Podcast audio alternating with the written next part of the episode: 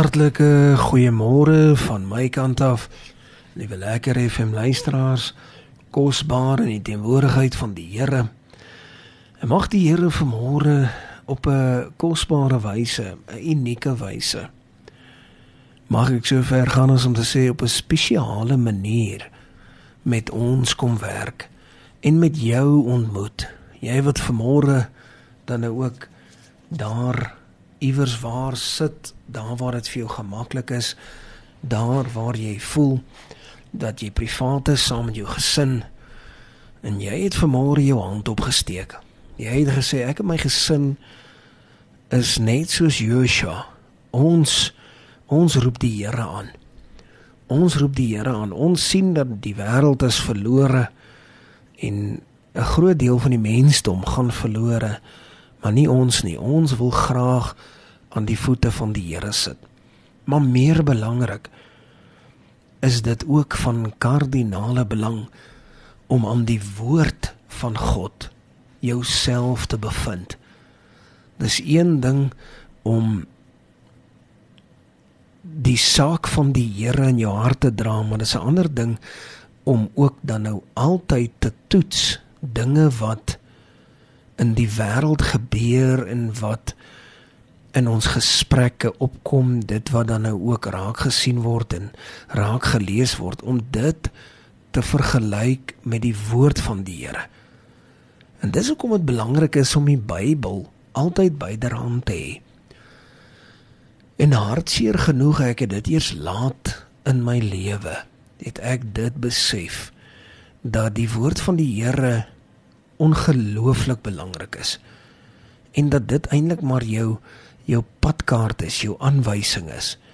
Dis eintlik nou maar daardie boek wat as jy nou nodig het om te gaan sien wat is 'n sekere voorbeeld rondom wat ook al is die Bybel werklik waar daar vir jou.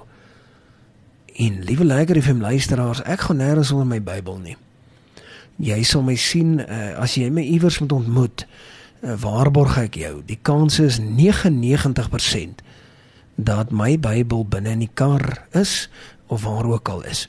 En my Bybel is is werklik waar nogal taamlik soos 'n inkleerboek. Hy is ingekleer allerlei soorte kleure onder die reënboog uh, en onder die son. Hy lyk soos 'n reënboog en ek is ook nie skaam om in elke oop spasie wat ek sien notas te maak nie. En ek wil jou ook aanmoedig doen dieselfde. Daar waar ons nou die volgende 15 minute net so bietjie weer gaan stil word hier. En ek moet sê dat ek nogal die idee gekry het dat dat mense miskien dalk wil hê dat ek net so bietjie moet stil staan. Ons het hierdie hele week gepraat rondom Salomo en die wysheid van Salomo. Maar net so bietjie moet stil staan by dit wat wat Salomo wat ge, wat wat Salomo uiteindelik gehad het. En dit is interessant as 'n mens mooi aan dit dink hoe groot hoe merkwaardig dit was wat die Here Salomo mee geseën het. As gevolg van sy getrouheid omdat die saak van die Here nommer 1 prioriteit was vir Salomo. En uh, het ek die idee gekry dat mense voel ek het dalk gisteroggend te vinnig deur dit uh, gewerk en en dat hulle net so bietjie nogal dit as interessantheid wil vind vandag om net so bietjie daaroor te praat ek het juis uh, nogal die hele spektrum van hoe belangrik dit is om die wysheid van die Here te roep en dit is die wil van God. Wysheid van God is die wil van God. En dit is belangrik vir my en jou om die wil van die Here te doen. Met ander woorde, ons weet soek allereers die koninkryk van God. Die saak van die Here is nommer 1 prioriteit. Maak nie saak hoe 'n mens daarna kyk nie. Die saak van die Here is nommer 1 prioriteit. En as 'n mens dan nou die saak van die Here as nommer 1 prioriteit stel en jou intensie reg is, treffend genoeg, dan sal die Here ook byvoeg soveel soos wat hy graag vir jou wil byvoeg. En eh, dis baie merkwaardig die voorregte wat Salomo uiteindelik gehad het. Nou ek sê nie ons almal is Salomo nie. En dat dit ook nie altyd gaan oor die materie nie. Maar dat dit gaan rondom die feit dat dit 'n bewys is dat as jy soos wat Salomo in sy hoogste gesagsposisie daar was nie iemand in 'n hoër gesag as Salomo nie en Salomo het die eer van God ingebou proaktief deur die huis van die Here te bou en deur die Here te vra om hom te lei by sy ingaan en sy uitkom. En by die volk se ingaan en by die volk se uitkom. En dit is waar die Here die wysheid wat in die Here was binne in die menswees van Salomo gedeponeer het. En is die moeite werd om jou posisie te gebruik. Waar jy ook al is is dit baie baie belangrik om smaakvol die Here se saak as nommer 1 prioriteit te ag. En niemand op hierdie aarde sal vir my anders kan oortuig nie. Niemand. Jy is veronderstel as Salomo in sy hoogste posisie die hoogste amp wat jy kan kry Salomo met die met die meeste geld in sy tyd dit kon doen en jy kon sien wat die voorregte was dan kan enige mens dit doen dan kan ek en jy dit ook doen en so kosbaar en, en dis nou waar waar ek nou vandag graag nou uit die aardse saak heel wat langer wil by stil staan As jy is hier by die skrifgedeelte uh, waar ons lees hier by 2 Kronieke 9 van vers 22 tot en met vers 28. Maar voor ons dit nou lekker ontleed vandag. Kom ons sit net so, dan sluit ons die oë en bid ons saam. Hemelse Vader, dankie vir u woord. Dankie dat u woord ons kom stig en ons werklik op die pad volgens u wil lei. En dit is my gebed in Jesus naam. Amen en amen. Nou liewe lekker FM luisteraars nou, hy hy hy ek gaan hom nou ek gaan hom nou heel wat stadiger vat. Uh ek wil amper sê on popular demand om hom nou 'n bietjie dieper te praat en dat ons bietjie meer in vandag se terme kan verstaan wat die seën was wat uiteindelik gerus het op Salomo. Hy sê so het koning Salomo dan groter geword as al die konings van die aarde in rykdom en in wysheid. Nou al wat dit beteken is doeteenvoudig dat Salomo nommer 1 op die lys was. Van alle name in die wêreld was Salomo se naam heel bo aan. Alle name van alle tye in daardie tyd was Salomo se naam heel bo aan. Hy was die persoon met die meeste materie, maar ook die meeste in die gees met die wysheid. Want hoor wat sê hy volgende. Hy sê en al die konings van die aarde.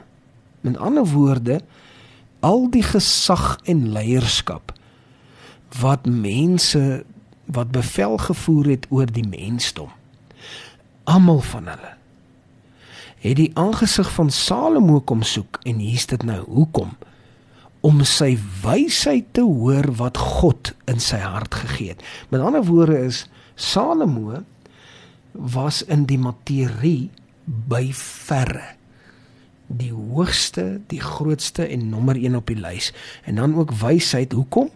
Die wysheid te hoor wat God in sy hart kom plaas het. In ander woorde, om te kom hoor wat die Here eintlik vir ons wil sê. Dit is mos nou streng gesproke wat nou hier plaasvind. En en is dit nie 'n voorbeeld vir my en jou nie? Want as ons die saak van die Here, die Here se wil soek, dit beteken sy wysheid soek, dan sal dan sal die Here ook alles byvoeg op gronde van soek allereerst die koninkryk van God En dan sal mense ook die wysheid wat die Here se saak is dan nou by ons kom aanhoor. En dit geld nie net vir mense wat in dieselfde geloof is as ons nie, maar ander gelowe. Ek meen hier het ons die koningin van Skeba gehad en die koningin van Skeba het baie treffend het het het, het sy 'n paar dinge gesê. Sy het aanvanklik gesê sy kan nie glo, sy het gedink dat dit heeltemal die mense het oordryf. Maar toe sy by Salomo kom en sy alles sien en hoor wat binne in sy hart is, met ander woorde die Here binne in sy hart, toe sy dit sien en hoor, die Here wat ook in jou hart kan wees, toe sy dit sien, was sy oorweldig en het sy na die tyd vir Salomo gesê dat dit het my oortref dat dit wat ek gedink het van jou wat ek nie eens gedink het jy is nie, dit was te min. Met ander woorde, die Here kan deur jou funksioneer op 'n manier wat jy in jou lewe nie kan glo nie. En dan gaan hy verder dan praat hy mos nou daar oor die feit dat mense almal wat na hom toe gekom het het vir hom geskenke gebring. Maar die die groot ding wat eintlik hier gebeur het is wat baie min mense raak lees is dat dit jaar na jaar gebeur het. Met ander woorde is dit het nooit gestop nie. Mense het in in die term van wat ek en jy sal verstaan het hy letterlik 'n paar rugbyvelde vol silwer en goud gehad. Ek meen as jy nou alles langs mekaar gepak het, 'n paar rugbyvelde vol van van goud en silwer. Ek bedoel dit dit dit was so volop dat hy eintlik nie geweet het wat om mee alles te maak nie. Later dan sê hy dat uh die die die silwer was soos klippe soos wat klippe sal rond lê, so die silwer rond gelê. En seders uh, was so baie dat uh, dit soos die wille vye bome gelyk het. Ek meen dit, dit is die merkwaardigheid daaraan uh, word nie geëwenaar nie. Dit word nie geëwenaar nie. En dan het hulle nie net daar gestop by die goud en die silwer nie. Ek meen dan dan praat ons van in sy paleis was daar ek wil nie sê oor 100 nie, maar baie maklik.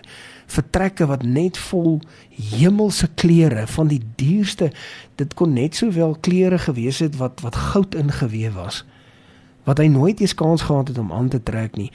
En dan het hulle vir hom wapens aangedra vir sy weermag wapens wat hy in sy lewe nie eers wat nog splinter nuut gelê het wat nog wat nooit aangeraak was nie wat wat want daar was nie eers genoeg soldate om aan dit te vat nie. Dit het net stof vergader.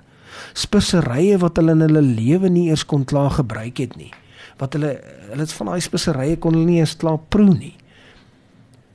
En dan perde en myle het hulle gebring, maar dan het hy ook die hele landskap van perde besit want hy het dit ook uitgevoer na al die lande toe. Hy was hy was die man wat gesorg het dat ander mense perde het.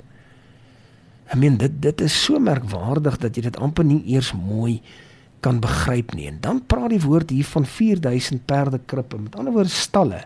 4000 van hulle. Nou dink net vir 'n oomblik hoe lyk 50 perde stalle en dan gaan jy na 1000 perde stalle toe dan gaan jy na 4000. Dan kan jy vir jouself dink. Die strydwaans het gestaan so ver soos die oog sien. So as jy daar ver in die verte inkyk, dan sien jy die laaste ding wat jy sien is nog steeds 'n strydwa. Splinter nie waar daar staan. 12000 ruiters. 'n Ruiter is 'n gespesialiseerde beroep. Dit was iemand wat sy hele lewe lank net opgelei was om 'n ruiter te wees. Ja, en dan was hy die heerser oor al die konings van die Eufraat tot by die tot by die land van die Filistyne tot aan die grens van Egipte. Ek meen met ander woorde oral. Dit was absoluut merkwaardig. En dit is wat gebeur as ons die saak van die Here in ons hart dra, maar nie die materie noodwendig nie, maar ook mense wat die saak van die Here in ons harte raak sien. Tot sover die woord van die Here. Kom ons sit net so. Sluit ons hier en bid ons saam. Hemelse Vader, dankie dat U U woord vandag duidelik gemaak het. Seën ons in Jesus naam. Amen. En amen.